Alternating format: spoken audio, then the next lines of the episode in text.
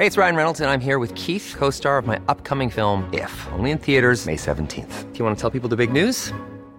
All right, I'll do it. Sign up now and you'll get unlimited for $15 a month in six months of Paramount Plus Essential Plan on us. Mintmobile.com slash switch. Upfront payment of $45 equivalent to $15 per month. Unlimited over 40 gigabytes per month. Face lower speeds. Videos at 480p. Active Mint customers by 531.24 get six months of Paramount Plus Essential Plan. Auto renews after six months. Offer ends May 31st, 2024. Separate Paramount Plus registration required. Terms and conditions apply if rated PG. Ever catch yourself eating the same flavorless dinner three days in a row? Dreaming of something better? Well, HelloFresh is your guilt-free dream come true, baby. It's me, Gigi Palmer. Let's wake up those taste buds with hot, juicy pecan-crusted chicken or garlic butter shrimp scampi. Mm. Hello Fresh. Stop dreaming of all the delicious possibilities and dig in at HelloFresh.com. Let's get this dinner party started.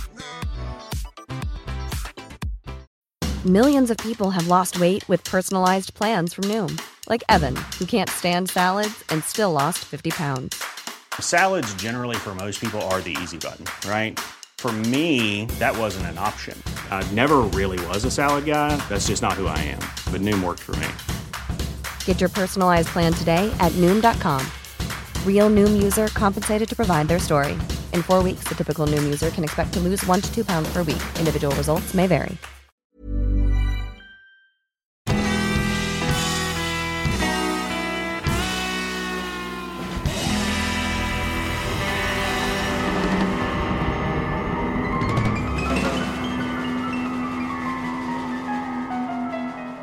Hej allihopa och välkomna tillbaka till en ny säsong av Ståpäls.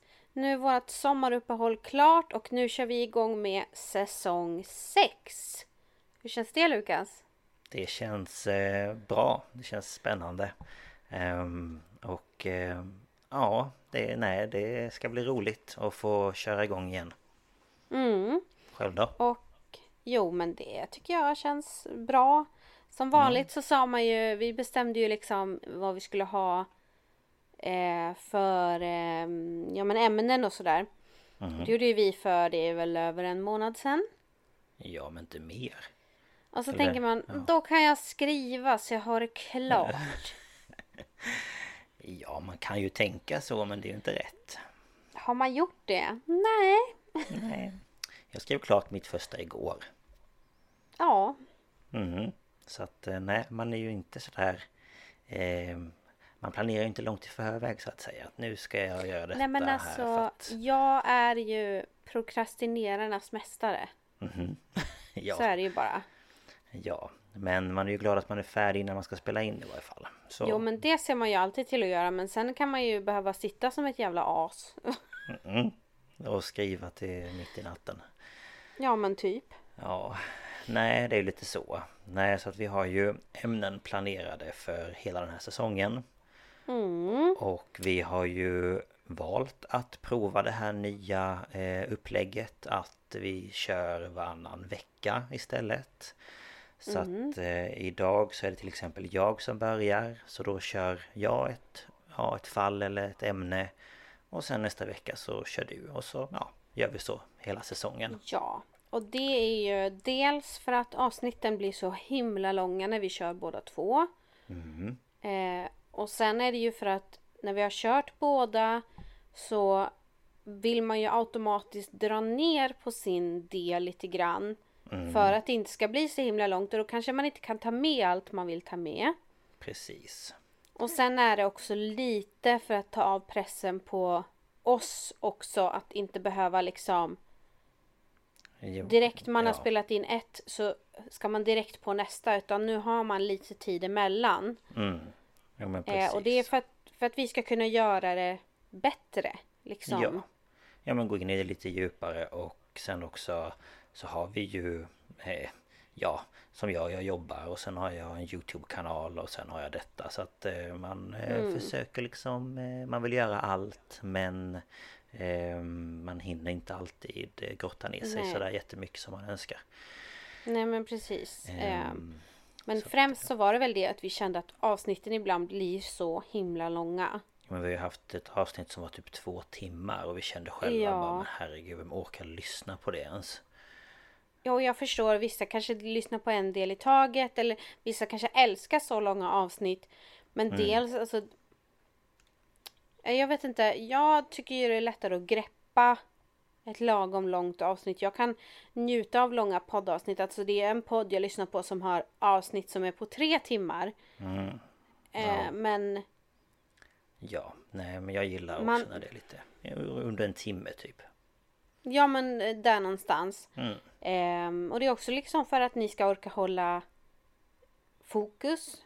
Mm. Och vi ska orka hålla fokus på vad den andra säger. Eh, och liksom... Ja. Men, eh, för att allt ska bli lite smidigare. Men alltså vi tänkte vi provar så här och ser vad vi tycker och vad ni tycker. Mm. Och Så så får får vi vi... eh, utvärdera sen i slutet av den här säsongen. Ja, precis. Helt enkelt. Eh, och jag. eftersom vi har delat upp ehm, så här som vi har gjort så kommer det alltså komma ett avsnitt extra den här säsongen för att vi skulle få lika många i var. Mhm, Precis. Så att eh, det är ju Mm. positivt för er som lyssnar. Ja. Så ni får ju 16 avsnitt istället för 15. Mhm. Precis. Så Mhm. hoppas att ni eh, liksom eh, tycker att det låter bra och att det känns okej. Ja, det hoppas, hoppas vi verkligen. Mm. Ehm, ja, är det något annat vi vill berätta innan vi kör igång? Nej, alltså. Jag tänkte på det som, som kan komma att märkas nu när vi har delat upp det är ju det faktumet att ehm, vi har kunnat liksom välja sådana ämnen som vi tycker är roliga själva. Alltså Ja, mitt kommer ju vara lite mera eh, vad ska man säga mytologi, paranormalt Ja, eh, mystiska saker och du gillar mera true crime. Det gör ju jag också men mm.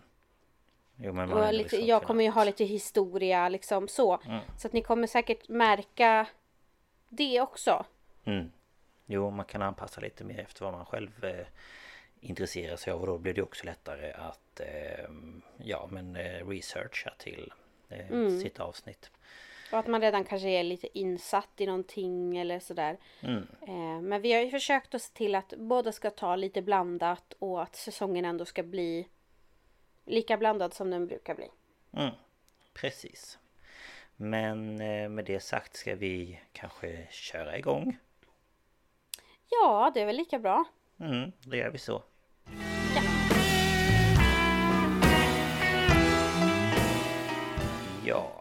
Och eh, som ni säkert då har sett eh, i, eh, eller vad heter det, i titeln på det här avsnittet så kommer jag att prata om mordet på Malin Lindström i Husum.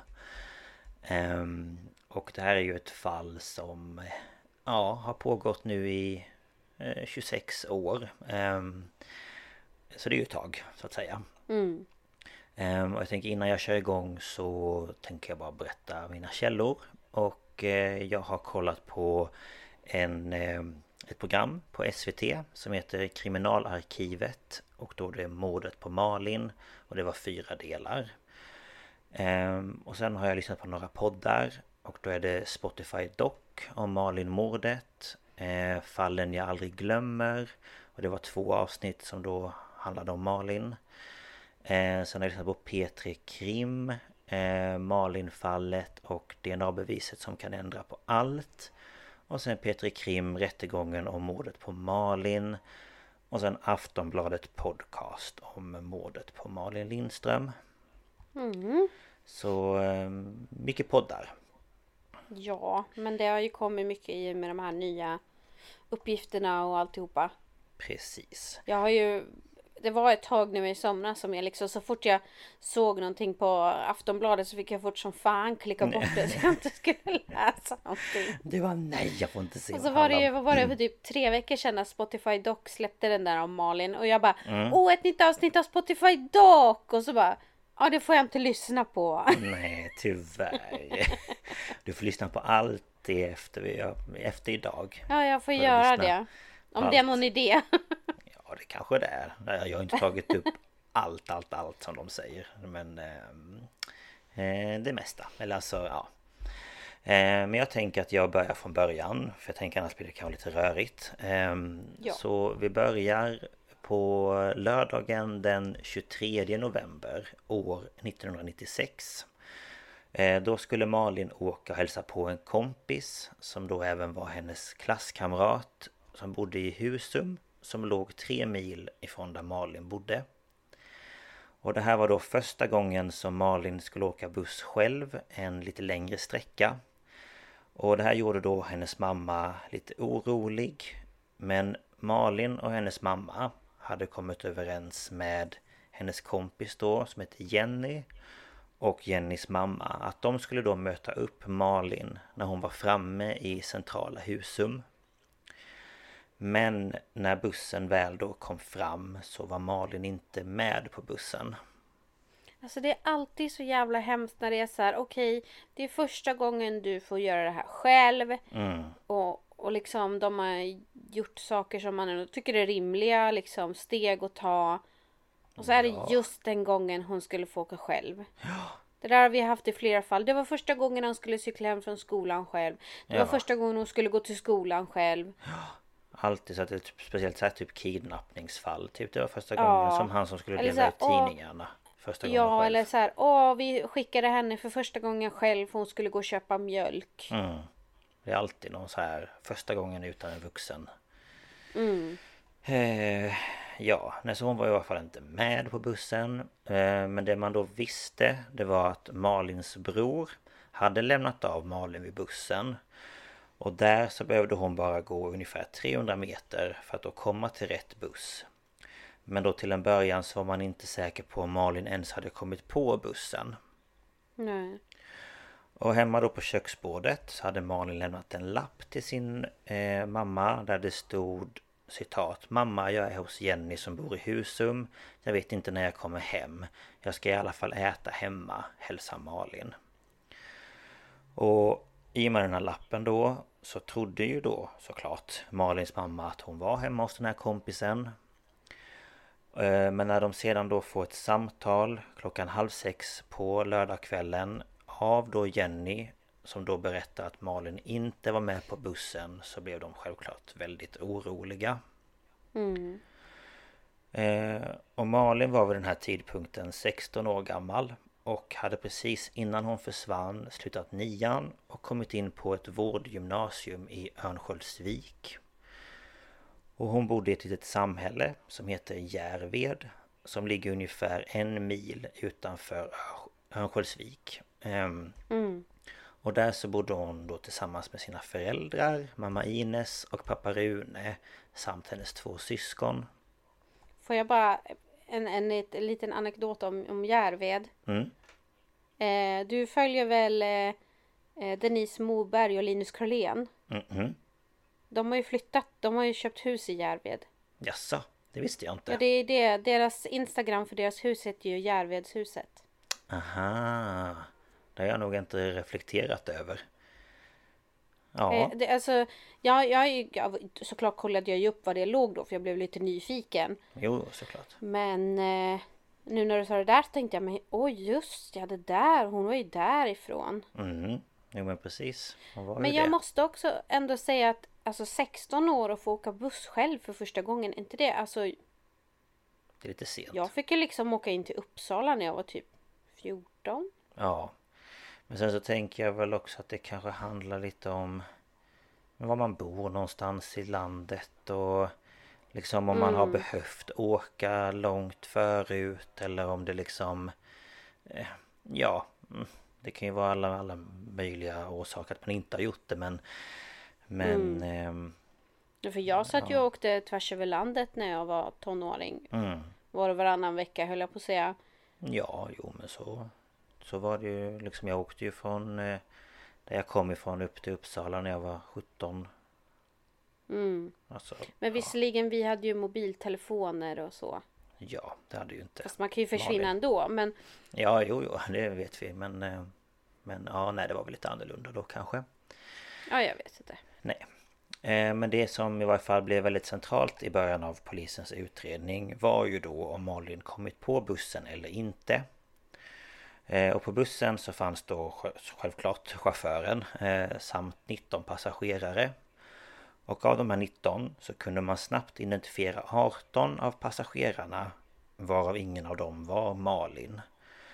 Eh, och polisen gick därför då ut med information att de gärna skulle vilja komma i kontakt med den sista personen som skulle ha befunnit sig på bussen. Och något som tyder på att den här sista personen var Malin är att när bussen svängde av E4 och var på väg in mot Husum så ska en ung flicka vänt sig om i bussen och frågat ett par bakom den här flickan då om de visste var de var någonstans. Och de ska då ha svarat att de var i Dombäck och frågat vad hon skulle. Varpå då den här unga flickan ska ha svarat Husum. Och när de då frågade var hon skulle kliva av så ska den här flickan inte hört Alltså att de frågade det Och sen mm. vänt sig om utan att svara Och om det var Malin så skulle hon ju då ha klivit av i Konsum Men ingen visste var hon klivit av då ingen hade sett henne göra det Så ingen på bussen mm -hmm. har lagt märke till att hon har gått av bussen helt enkelt Alltså man är ju, man lägger väl inte märke till alla när man åker buss eller tåg eller? Nej, precis. Så är det ju. Men jag tänker ändå det här paret kanske, eller så var de inne i någon konversation och reflekterade ja, inte att hon gick av. Ja, sa hon liksom, nej men precis, så plötsligt så har det gått tio hållplatser och hon har klivit av. Mm, precis. Um, och um, jag kommer, vet det, eller vi kommer lägga upp en karta på Instagram som ni kan titta på. Um, för att nu kommer jag förklara lite olika Olika ställen på den här kartan helt enkelt. Ehm, Och det är då olika siffror. Och på kartan så är det en femma. Och det är där som bussen svängde av från E4 Och då ska det ehm, Ska det då vara att man ehm, eh, Jag menar att Malin hade den här konversationen med det här paret. Mm. Och samtidigt ska då bussen ha fortsatt ner för en väg som heter Bruksvägen och sen fortsatt till en hållplats som heter Lina platån. Och det är där man då tror att Malin ska ha hoppat av. Men dit hon egentligen skulle vara då till Konsum som är markerat som en etta. Så att det ser man på kartan. Man tror att hon hoppade av fel eller? Precis, att alltså... hon hoppade av två hållplatser för tidigt. Mm. Mm. Ehm, och en vecka efter att Malin försvann så anhöll polisen en 21-årig man från området som då blev skäligen misstänkt för olaga frihetsberövande vilket man då grundade i väldigt motstridiga uppgifter om vad han hade då gjort under den här dagen då Malin försvann.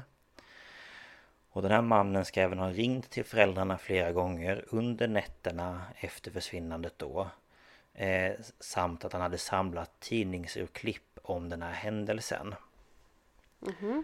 Men den här mannen hade in, ingenting, liksom ingen relation med Malin eh, alls. Alltså varken tidigare eller vid tidpunkten.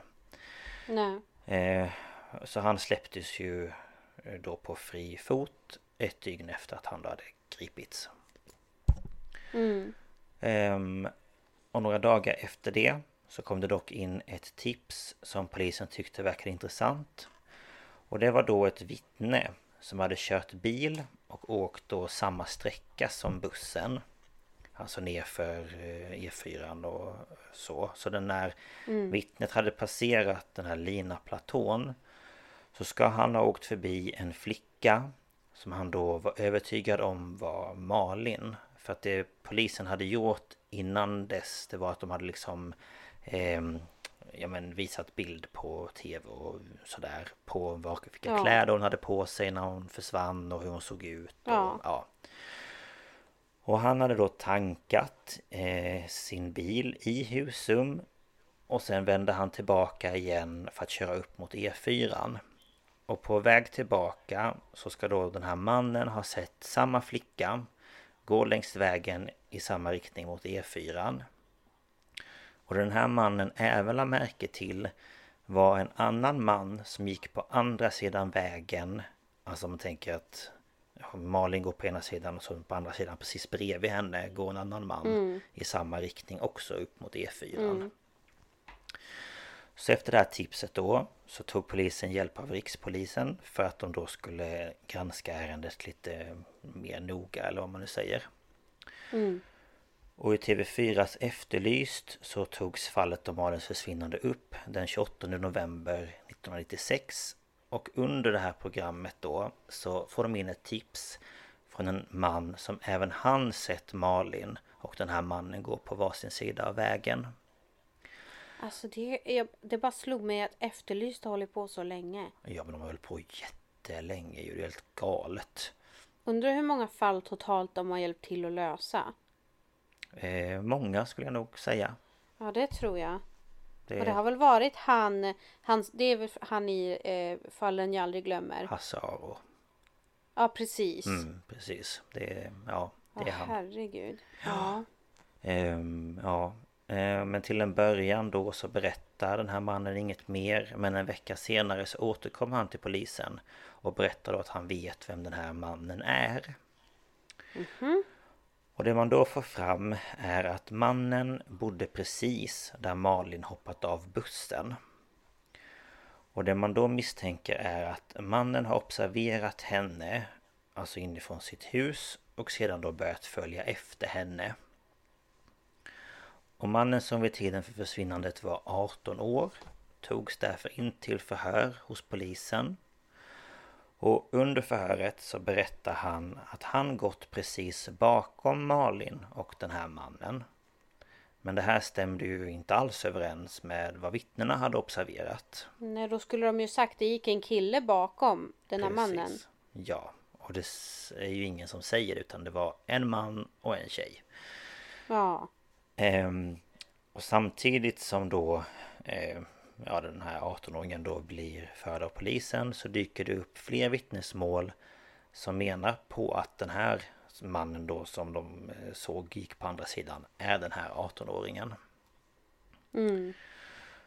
Och för att fortsätta utreda fallet så tillsätter man Jan Karlsson som arbetade för Riksmordskommissionen i Örnsköldsvik. Och innan han tillsattes så hade polisen förhört ungefär 550 vittnen. Åh herregud. Ja, och man började nu då sortera ut och titta på de som verkade mest intressant. Samtidigt som man gör detta så ändrade då 18-åringen sin historia. Och han berättade nu istället att han var mannen som gick bredvid Malin. Och att han vid något tillfälle ska ha gått in i henne och på så vis avsatt sitt DNA på henne. Nej men det är inte så det funkar. Nej. Gick du in, henne, in, in i henne med öppen mun så du dreglade över hela henne eller vad menar du? Ja, man kan ju undra. Ehm, och det här tolkar ju då polisen som att han då vill försöka hitta en förklaring till varför hans DNA skulle kunna finnas på henne när man då väl Ja. hittar henne. Så de bara, uh, okej att de liksom går så stöter de i varandra och bara oj ursäkta förlåt liksom. Man bara, eh, jo men visst. Jo men tjena bacon. Eh, ja, lite så. Men det dröjer dock till den 23 maj 1997 eh, för något nytt då hände i utredningen. För då återupptog polisen sökandet med hjälp av hundar i området runt Husum. Och två dagar senare så hittade man då Malin i skogen. Inte långt ifrån där hon då sågs till innan hon försvann. Och hon låg in till en stor sten under en hög med granris. Och polisen misstänkte ju då såklart att ett begått... Att, att ett begått... Att ett brott hade begåtts. Begått hade brott. Ja. Jag bara, nu eh, pratar jag för snabbt. Ehm, Och platsen spärrades då av för en teknisk undersökning. Och när man då hittade Malin så ska hon ha legat på rygg med benen ihoptejpade vid fotlederna och händerna tejpade på ryggen. Och man hittade även tejp som såg ut att ha suttit runt hennes mun men som då hade ramlat av för att ja, hon var ju i en för, vad heter det? För, för, vad heter det, process. En... Eh, Förruttnelseprocess. Ja, precis. Mm. Och hennes tröja var sönderklippt samt en bit av jeansen. Och den här tröjan, den här skulle senare bli högintressant i utredningen. Så det kan vi komma ihåg. Mhm, mm. Och hennes väska hittade man nedgrävd en bit ifrån kroppen.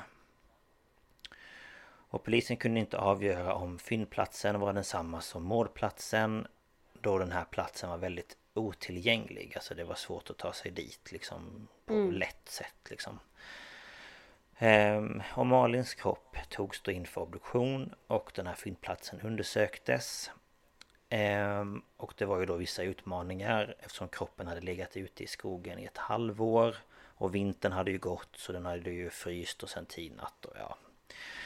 Så Ja, det, blir var- mycket skador på vävnaderna då antar jag. Ja, det blir ju svårt helt enkelt att eh, Mm. få fram alltså, allt så. Men eh, det de kunde se i varje fall det var att hon hade blivit utsatt för sexuella övergrepp eh, vid tiden för hennes död eller vad man nu säger. Mm, mm. Samt att hon då hade blivit huggen i ryggen. Men eftersom de vitala organen saknades så kunde man då inte se vilka organ som var, hade liksom skadats av de här huggen. Mm. Och det var även svårt att fastställa om Malin var död när hon tejpades eller om hon levde. Men de antar att hon var död för att annars hade det kanske varit svårare att tejpa så... Vad ska man säga? Det var väl tejpat. Alltså det såg... Ja, som att inte någon har sprattlat liksom med benen utan... Hon kan ju ha varit medvetslös också. Jo, självklart. Ja, ja. Det det skulle hon kunna göra det. Men ja, de, de vet helt enkelt inte om hon levde eller inte. Nej, nej, nej. Ehm, och när man då sedan undersökte hennes kläder så kunde man hitta en liten spermafläck på hennes jeans. Och då den här fläcken var så liten och då analysen av DNA inte var så utvecklad vid den här tiden så vågade man inte göra någon analys då man då var rädd för att förstöra den här bevisningen. För man... Ja, för det, det behövs ju en viss mängd för att kunna göra ett prov.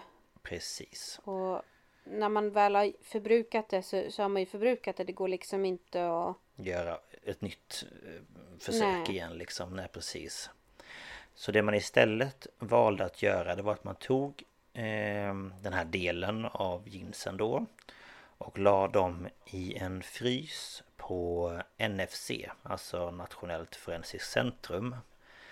För att de då skulle kunna se om det skulle gå att analysera den här fläcken eh, längre fram i tiden. Det är jävligt smart. Så där gör de ju en del alltså runt om i världen och har gjort liksom eh, länge. Att man Mm. ändå liksom litar på att okej, den här teknologin kommer att utvecklas. Så vi kommer precis. kunna... Ja, att man ändå Man har lite förhoppningar liksom på att Det Mm. kanske en- dag längre fram i, i livet så kanske det går Så att Mm. eh, den, den la de in där i varje fall ehm, Och den 25 augusti 1997 Så anhölls då 18-åringen som misstänkt för mordet på Malin och i det första förhöret efter att han anhölls så höll han fast vid att, vid att han då hade gått bredvid henne upp till E4. Och några timmar senare så hölls ett till förhör med honom där hans försvarare var med för det var inte försvararen på i det första förhöret. Och då ändrar han sin historia igen. Och han berättar då att det är hon som tar kontakt med honom och ber honom om 500 kronor. Varpå han då ska ha sagt eh, nej, alltså du får inga pengar. Och, Alltså, det hade varit mer trovärdigt om han sa att hon frågade om vägen. Precis, men nej, det, det spåret valde han inte. Utan det han säger sen är att eh, hon ska då ha erbjudit samlag för att, peng, för att få de här pengarna då. Vilket han då ska ha gått med på. Och de ska då ha gått in i skogen och haft, ja, sex eller vad man nu vill kalla det för. Eh, och efter det skilts åt. Eh, och man bara, jo men det tror ju vem som helst på. Ja. Ja men eller hur. Ja. Flickan som åker buss själv för första gången. Ja, jag bara, men du kan få sex, det är lugnt, bara jag får 500 spänn. Man bara, nej, Ja. jag skulle inte tro det. Ehm, och då hans historia hela tiden ändrades så begärdes han då häktad för mordet på Malin. Han menar senare att han drabbats av minnesförlust och inte minns vad han gjort dagen då Malin försvann. Så att ja, det är ju nya saker hela tiden. Men man bara, men älskade hjärtat, bara välj en sak och håll dig till den. Ja, men jag känner det. Man bör, antingen kör du på det spåret eller så kör du på det spåret. Men att börja byta mellan det gör det inte mer trovärdig. Jag är ledsen. Nej. Ehm, men ja, eh, polisen i varje fall. De gör i samband med att då mannen grips en husrannsakan hemma hos honom.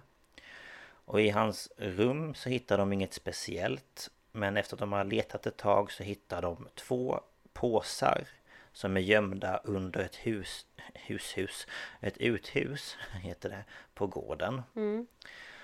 Och i de här påsarna så hittar de bland annat teckningar som då föreställer kvinnor som på olika sätt blivit utsatta för våld. Alltså sexuellt våld eller fysiskt våld eller sadistiskt, alltså så.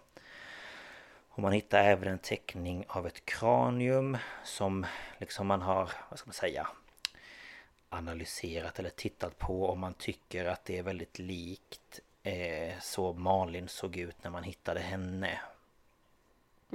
Så då tänker jag att han kanske har varit på platsen och liksom tecknat av henne eller liksom Planning for your next trip? Elevate your travel style with Quince. Quince has all the jet setting essentials you'll want for your next getaway, like European linen, premium luggage options, buttery soft Italian leather bags, and so much more. And it's all priced at 50 to 80% less than similar brands. Plus, Quince only works with factories that use safe and ethical manufacturing practices. Pack your bags with high-quality essentials you'll be wearing for vacations to come with Quince. Go to quince.com slash trip for free shipping and 365-day returns. Hey, it's Ryan Reynolds, and I'm here with Keith, co star of my upcoming film, If, only in theaters, May 17th. Do you want to tell people the big news? All right, I'll do. it. Sign up now and you'll get unlimited for $15 a month in six months of Paramount Plus Essential Plan on us. Mintmobile.com slash switch. Upfront payment of $45 equivalent to $15 per month. Unlimited over 40 gigabytes per month. Face lower speeds. Videos at 480p. Active Mint customers by 531.24 get six months of Paramount Plus Essential Plan. Auto renews after six months. Offer ends May 31st, 2024. Separate Paramount Plus registration required. Terms and conditions apply if rated PG. så. Okej. Ehm, sen hittar de även två trasdockor. Var på den ena är uppskuren kring liksom Ja underlivet Även om en trasdocka kan inte ha ett underliv Men du förstår vad jag menar. Eh, Precis som Malins byxor var För de var ju också uppskurna. Och i påsarna så fanns det även några knivar Och hon hade ju då blivit huggen i ryggen Så de tänkte att uh, ja, okej. Ehm, Men då analyserna från NFC drog ut på tiden så släpptes då mannen fri efter åtta dagar i väntan då på att den här bevisningen skulle komma in. För att han var ju ung och man får inte hålla någon som är så ung häktad för länge. Och ja. Nej. Ehm, och det man dock då väljer att göra det är en rekonstruktion med honom för att då på så vis försöka få honom att minnas vad som ska då ha hänt den här dagen. Så det som händer under den här rekonstruktionen är att han visar runt i skogen och får frågor som till exempel hur han hade gjort om han vore mördaren och så vidare. Och den som då ledde den här konstruktionen eh, var Sven-Åke Kristiansson. Jag vet inte om du känner igen det namnet men eh, han var ju inblandad i Kevin-fallet och Thomas Quick-fallet, eller fallen. Och han har ju fått väldigt mycket kritik för sitt arbete. Alltså jag får inte upp någonting i huvudet nu så här på en gång. Nej. Men han var ju den som gick med eh, de här bröderna. Eh, Nu har jag glömt vad de heter i Kevin-fallet. Men som skulle göra en rekonstruktion med dem. Och de visste ju inte ens vad de var knappt. Nej men alltså. eh, Och sen som Thomas Quick att han eh, erkände brott som han inte ens hade begått. Bara för att skydda någon annan liksom. Så det har ju varit väldigt mycket liksom kritik kring hur han jobbar med det här med rekonstruktion. Ehm, och ett annat problem med hela den här rekonstruktionen var ju att ehm, den här mannens försvarare var inte med eller den ansvarige polisutredaren och man kunde ju då inte använda det här rent rättsligt. Alltså det var ju ingenting som kunde styrka om han var skyldig eller inte. För att det var ju ingen som var där förutom den här då, eh, ja, Sven-Åke då. Men hur fan tänkte han? Nej men jag vet inte. Det är ju det som är, alltså... Det är det som är så konstigt för att man borde ju ändå ha med någon som liksom skulle kunna liksom föra något slags protokoll eller liksom Ja. Ja, någonting. Men nej, det var bara typ de två verkade det som. Och det känns ju jättelustigt. Och sen Ja, filmade verkligen. de ju allting. Men jag menar... Ja, jag vet inte. Så den kunde ju inte Men, eh, användas. Ja, nej det är jättekonstigt verkligen. Mm. Ehm, och ett år efter att Malin hittats så häktades mannen dock igen. För att då hade då polisen fått fram mer teknisk bevisning som då kopplade Malin till mannen. Mm. Och det är då provsvar av analyser som eh, kom tillbaka från England som man då tog från hans hem. Och det man då Eh, avser med de här proverna. Det är då fiber från tyg som stämmer överens med den tröja som Malin hade när hon mördades. Ehm, och den här tröjan den var av eh, viskos Vilket inte kanske alltid är jättevanligt. Och färgen och modellen på tröjan såldes bara på JC och den här tröjan hade Malin lånat av sin syster tror jag det var Okej. Ehm, Så att detta då tillsammans med den övriga bevisningen ehm, som man redan hade fått då så valde åklagaren att väcka åtal. Så den här rättegången inleddes och man kom till slut fram till att mannen skulle dömas skyldig för mordet. Rätten valde dock att avvakta med att fastställa straffet tills han då hade gått igenom en stor psykiatrisk undersökning. Men den här undersökningen den visade att han inte var psykiskt sjuk vid tillfället för det här mordet då. Och straffet blev därför fängelse.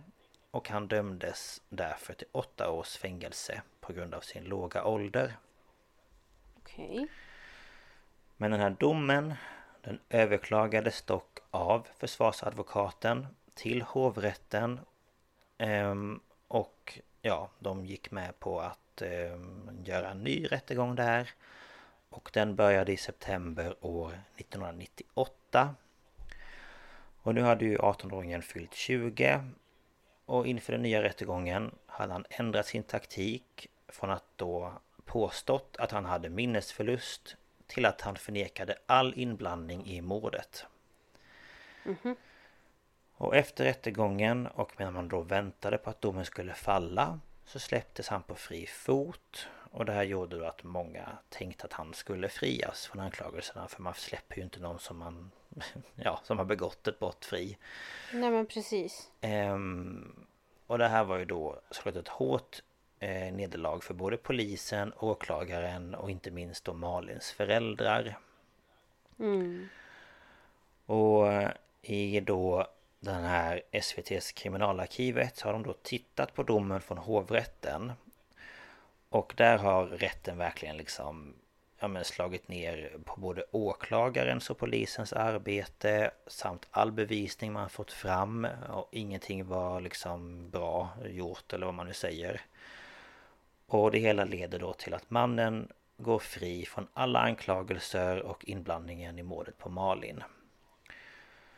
Och inte nog med det så fick han även ett skadestånd på 300 000 kronor. Ja. Och ja, här skulle man ju kunna tänka sig att den här historien skulle vara slut. Men det är den ju inte. Nej. Nej, för tiden går och det händer inget mer i den här utredningen. Men år 2006 så börjar nyheterna återigen rapportera om eh, mordet på Malin. För då hade polisen nämligen gripit och häktat Hagamannen. Och för er som inte vet vem det är så var det ju en eh, serievåldtäktsman i Umeå Som då eh, hade sitt första kända fall år 1998. Och det var då på en 14-årig flicka som han ja, våldförde sig på. Och man började då titta på om det kunde vara så att Malin också hade fallit offer för honom. Men det är väl ändå en bit, ja. Jag tänkte det är en bit ifrån Umeå. Ja, men jag vet inte om Hagamannen bara höll till i Umeå, det vet jag inte. Nej, nej, det har jag faktiskt ingen koll på tyvärr. Nej.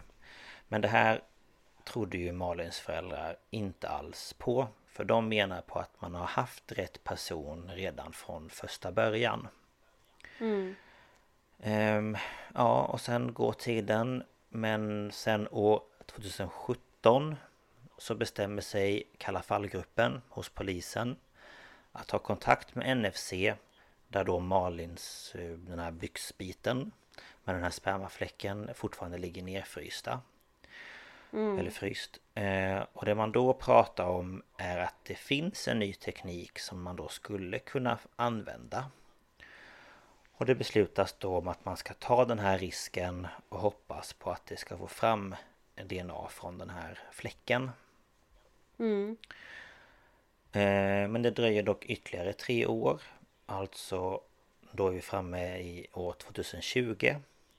Innan polisen lyckas säkra ett DNA-spår. Och det ledde i sin tur att en ny resning mot den här mannen som tidigare friats skulle väckas. Om det var så att fallet inte var preskriberat. För att det kan det ju, ja, vara. Ehm, och eftersom den här mannen då var under 21 år vid gärningen så var ju preskriptionstiden 15 år. Ja, och det andra problemet man hade var om man kan tvinga mannen att lämna ett DNA-prov eftersom han hade ju redan blivit dömd och sen friad. Och då man då var osäker på detta så lämnade man ärendet till Högsta domstolen som kom fram till att det fanns ingen preskription på det här fallet. Då, och jag förstod inte riktigt men det har liksom varit ett slags avbrott i den här utredningen. Och därför så har det inte funnits någon preskriptionstid. Så jag vet inte, ja. Okej. Eh, Ja, det finns säkert någon, någon sån här... Vad kallar man det? ja, Administrativ äh, tjotofräs. ja, nå- hej någonting är det säkert. Som, ja, jag vet inte. Det var... Det finns så mycket kryphål så att det... Ja, ja, ja. Så är det ju. Men det man inte hade rätt i eller till det var att ta ett eh, DNA-prov från eh, mannen. Nej, då måste man väl... Det, det räknas väl in i typ husrannsakan? Ja, jag frågar mig inte. Det har jag faktiskt inte kollat upp. Men eh, Jag är inte helt säker men jag har någon känsla av det. ja, det kanske kan stämma. Och att man måste verkligen ha liksom särskild an- anledning. Man kan inte bara Nej, såklart. jag ska DNA utan Nej. Nej men de tänkte Men väl att samtidigt- det var att det var särskild anledning för att de hade ju hittat eh, DNA från den här tröjan och så vidare och så vidare. Ja men och, och samtidigt känner jag ju om han menar att han är oskyldig då ska han inte ha något problem att lämna DNA. Nej men precis. Så att, ja. Eh, men det fick de För han kan ju inte bara Åh jag gick in i henne och då kom det sperma på hennes byxor. Alltså Nej. My friend you still made a crime then. Ja. Committed a crime. Ah, så dumt. Ja, ehm, ja, men nu fanns det bara i varje fall en sak kvar att göra. Och det var att då överåklagaren Mats Svensson, som nu drev fallet, kontaktade Kalla fallgruppen igen och bad att de skulle gå igenom hela utredningsmaterialet för att på så vis se om det fanns något DNA kvar att använda. Så en månad senare så kommer då de med information om att eh, eh, vad heter det? NFC, SKL hette det förut. ehm, Hade haft blod kvar från den frikände mannen som de då år 2001 hade skickat en del av till Uppsala universitet. Och det leder då i sin tur att man tar kontakt med Uppsala universitet och frågar om de vet vad som hänt med det här blodet. Och de berättar då i sin tur att de sparar de prover som de har fått och att mannens blod finns kvar hos dem. Och det här blodet använder man då sedan för att göra analyser och som ledde till att NFC fick en 100-procentig procentig, procentig matchning mellan det här provet och prover som man tidigare tagit ifrån mannen. Vilket då innebär att det är mannens DNA som fanns på Malins byxor. Eh, ja, eh, men vem var då den här mannen? Ja, vad är det för liten råtta? Ja, eh, han heter Olof Wiberg. Han är född Hörning och är nu 44 år gammal. Så att, Gud vad intressant att han heter Hörning. ja, Han som har seriemördarpodden heter ju Dan Hörning. ja, jag vet. Han heter Olof Wiberg, före detta Hörning. Ehm, Ja, och... Det Eh, kan ju inte vara ett jättevanligt namn. nej, det tror jag väl inte. Låter ju inte som det, men ja, de kanske är avlägsna släktingar. Det är hans bror. Nej. nej, men gud. Nej, det tror jag absolut Du, inte. eh, du ska ge dig fan på, då hade Dan tagit upp det i sin podd. Ja, det tror jag kanske. Det vet vi. Ja. Ehm, men den här Olof då, han ska ha haft en ordnad livssituation och arbetat med kundtjänst. Ehm, Men samtidigt så beskrivs han av anhöriga som en introvert och känslomässigt avskärmad person med svårigheter i relation till andra. Men han var alltså då 18 när det här hände. Mm, och nu är han 44. Så han gick inte i gymnasiet då? Nej, det tror jag inte. Eller det vet jag inte. 18? Jo, men det måste han väl ha gjort. Eller? Nej, jag tänkte det, var- det var ingen sån... Det, det lät som att han bara jobbade, men kanske Ja, nu. Nu ja, nu jobbar han hade sig för i Okej. tiden vet jag inte riktigt. Jag har inte kollat upp så jättemycket om honom. Men, Nej, nej. Ja, Det var bara en tanke som slog mig. ja, nej men det är säkert någon som... De har ju pratat med släktingar och sådär som har liksom gett en bild av att han inte umgicks med så många människor och satt mest hemma och spelade tv-spel och Han var lite egen. Ja, lite så. Ehm, ja, och det man nu gör är att man ansöker till Högsta domstolen att fallet då ska prövas på nytt. Och under tiden som man väntar på svar så förhörs då Olof och får frågor kring varför hans DNA finns på Malins byxor, vilket han då inte hade något svar på. Nej, vad konstigt. Nej, det var väldigt lustigt. Nej, det var väldigt lustigt. Jag gick ju in i henne där. Nej, Ja, inte nej. Det vet inte jag vad det kan vara. Nej. Kan det vara en fågel som har bajsat på henne? Ja, det är ju samma sak som sperma, det vet väl alla. Ja. Mm. Den, den kanske hade ätit det och så bajsade den. Nej, men... Ja men han låter ju som en sån som skulle komma, kunna komma med en sån ursäkt. Ja, Ja, men jag gick in i henne och då hade han ju DNA på henne. Man bara, alltså, det är inte riktigt så det funkar. Liksom, så här, du stöter in i någon och då har du lämnat ditt DNA över deras kläder. Alltså, nej, inte riktigt har du så. ett öppet sår så du lämnar massa blod eller liksom. Alltså, Mm. Men jag ska berätta att det kommer två till fantastiska historier eh, om Ah, vad okej. eh, han anser har hänt. Han är inte, han är inte klar än. Nej, han är inte klar. Du vet att det ska ju komma han kanske till skulle ha blivit rättegång. författare. Ja, kanske någon, eh, någon som skriver eh, kriminalromaner. Nej, jag. Mm. Ehm, ja, men så till slut då den 30 maj år 2022, alltså i år. Mm. Så kom ju då beslutet att det blir en ny resning i fallet och att en ny rättegång ska genomföras. Och i väntan på den så häktas då Olof igen. Mm. Och väl under rättegången som inleddes den 30 juni i år så ändrade Olof sin historia ännu en gång. Och i den nya historien, eller versionen, så berättar han att han blivit hotad av kriminella vänner och inte vågat berätta vad det var som egentligen hände. Ja men absolut kompis. Ja. Och han berättar då att hans mamma tyckte att han satt inne för mycket och ville att han skulle hitta på något. Men det hon inte visste det var att han hade en träff med sina tre kriminella vänner senare på dagen. Vad var det de tre vännerna och Jerry eller? Det verkar ju inte bättre. Ed, Ed och Eddie. Ja. Ja.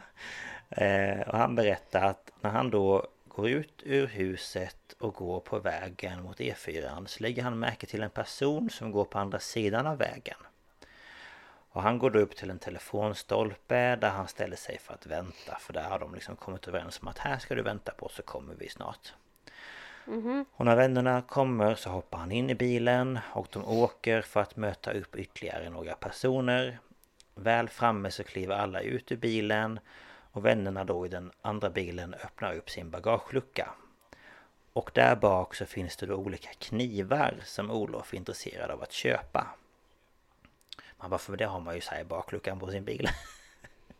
Ja, eller hur? Eh, och han köper då tre Butterfly-knivar. Eh, och efter de har liksom gjort det här köpet så åker han då och de tre vännerna tillbaka till en lokal i Husum. Och då, där ska han då ha börjat, du vet, fiffla med de här knivarna och kasta dem och ha sig. Och ska då ha skadat sig.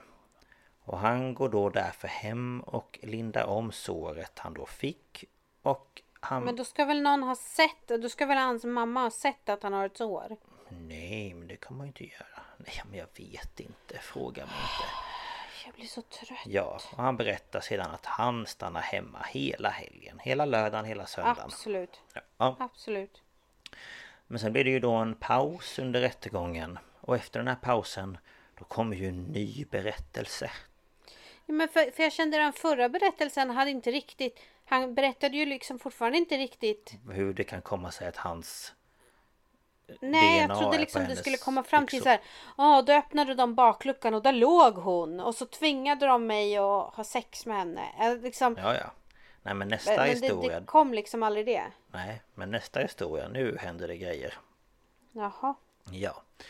För ehm, eh, då, eh, i den här historien Så ska den här ledaren i det här kriminella gänget ha hämtat upp Olof och hans två andra vänner Och de hade då kört runt lite i området kring Husum. Och Han berättar sedan att de kliver ur bilen och börjar promenera. Och då får de syn på en svart presenning Som ligger liksom på marken lite längre fram. Som den här ledaren då lyfter upp sådär. Eh, och de berättar liksom inte vad det är som är under den men så säger ledaren att de ska då lyfta upp det som ligger under presenningen upp på släpet på deras bil. Och sen så när de har gjort det så kör de iväg och så lastar de av det här på en annan plats. Och Olof berättar då att det som ligger under presenningen det är ju då en död kropp. Men jag känner också att ofta när man liksom så här, man lyfter på presenningen och bara ja men där ligger ju en död människa. Vi tar och lägger den på min bil och sen kör vi iväg den och lägger den på en annan plats. Man bara man kanske där och då bara känner shit jag kanske skulle ringa polisen. Eller att man bara drar Ja för att man blir rädd och Men bara jag säger shit. det, hans, hans kompisar låter ju som Ed, Ed och Eddie Alltså det är samma nivå Ja, jag vet. Ja, men då är det liksom en död kropp där i varje fall. Och den här ledaren ska då ha sagt att kroppen skulle flyttas till en gran 20 meter bort. Men innan dess så tycker ledaren att de ska onanera.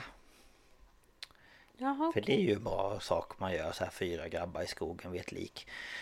Ehm, ja, vilket alla då Alltså jag gör. lägger, jag lägger mig inte i vad unga män gör Nej, men, Det eh, finns väl en gräns. Vid en Ja. död kropp. Man bara, nu får ni väl ge er. Ja, och Olof berättar då att han kommer ju i varje fall. Men han vet ju inte var det här hamnar någonstans. Nej nej Nej, och han ska då även där och då ha förstått att det här var Malin som de hade hittat. Men den här historien mm, tror ju inte åklagaren alls på. Nej den tror inte en jävel på Nej. Och jag bara känner att varför inte bara... Nu har du alltså berättat alla de här grejerna. Kan du inte bara berätta vad det är som har hänt? Ja men alltså Åh! Ja. Nej men eh, mm. Ja för det, det han menar då när åklagaren liksom så här säger att ja men det här tror jag inte på liksom så. Det är att han menar på att han blev ju också hotad och slagen av de här vännerna och att de har våldfört sig på honom samt att de har hotat med att ge sig på hans anhöriga. Så att han kan ju inte berätta vad som har hänt Malin för att då kanske han dör eller någon i hans familj. Ja men som nu då, du, du har liksom blivit dömd, du har blivit eh, förklarad oskyldig och nu sitter du här igen. Det kanske är dags då om det här nu skulle vara sant. Mm. Och ta och berätta vilka de här vännerna faktiskt är. Jo men precis. Nej men det vågar han ju För inte. känner att ditt liv är redan förstört nog som det är. Mm. Alltså, Verkligen. Men eh, ja, i varje fall den 5 juli i år så kom då hovrätten med uppgifter om att Olof skulle vara fortsatt häktad. Och det tyder ju på att han kanske inte blev släppt så att säga. Och till slut, 26 år efter det att Malin mördades, alltså den 19 juli i år, så dömdes Olof till fem års fängelse för mordet. Och detta var då med hänsyn till hans unga ålder vid gärningen och för den långa tid som gått sedan det hände. Men han borde ju för fan få något straff för att han har suttit och ljugit i alla år också. Ja, det kan man ju tycka.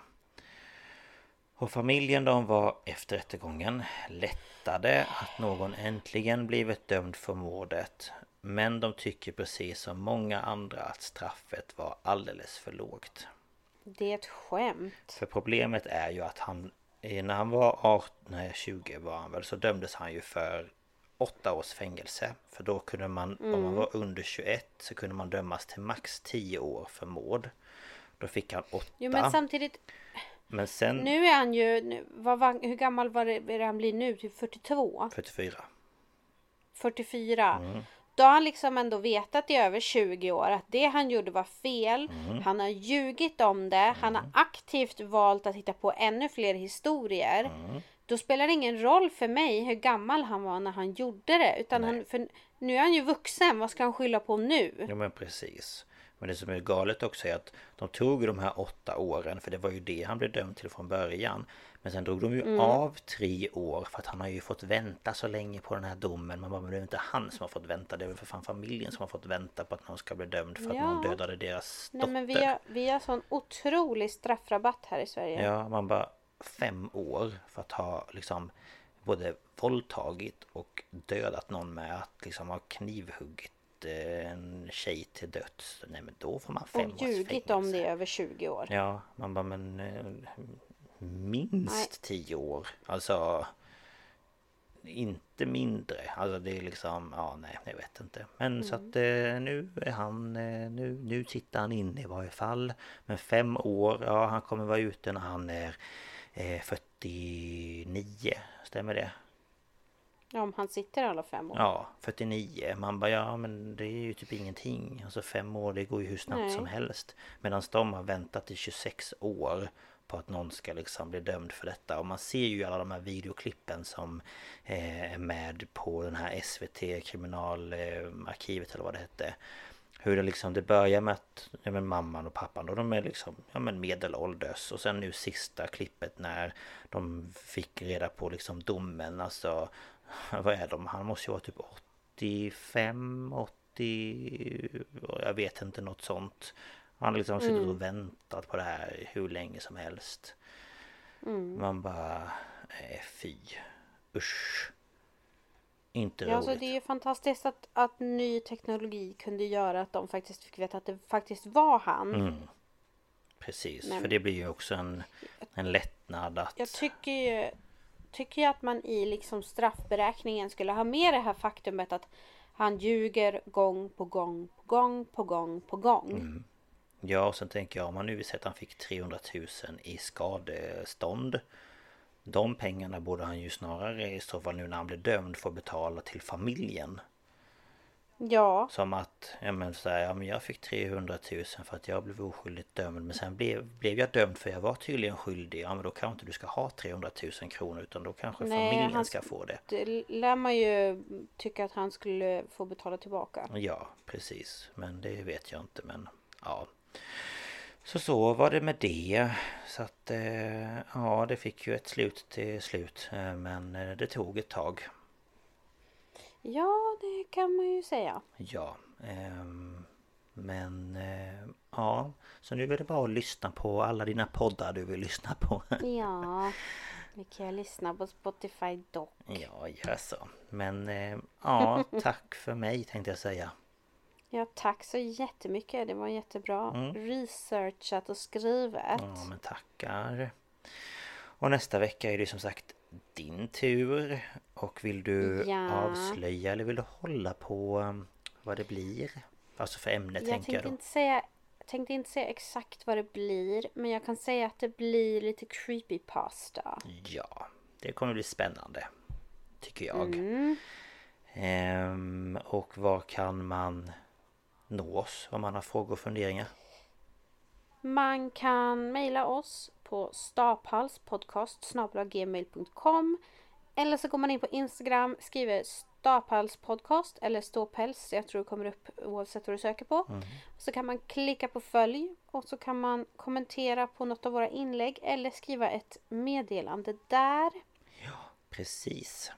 Det tycker Det är jag. också på Instagram vi lägger upp bilder om vi tycker att vi har några som passar till veckans avsnitt. Ja, och det kommer komma några bilder imorgon, eller imorgon, ja, imorgon för oss, idag när det här släpps så kommer det komma upp bilder där. Ja, Så in och kika. Ehm, men eh, ja, det var väl allt för den här gången helt enkelt. ja nu är säsongen igång. Mm. Säsongstarten är avklarad. Precis. Men eh, Mm. ja, tack för att ni har lyssnat. Tack så mycket. Så hörs vi igen nästa vecka. Det gör vi. Ja. Ha det bra. Ha det bra. Hej då.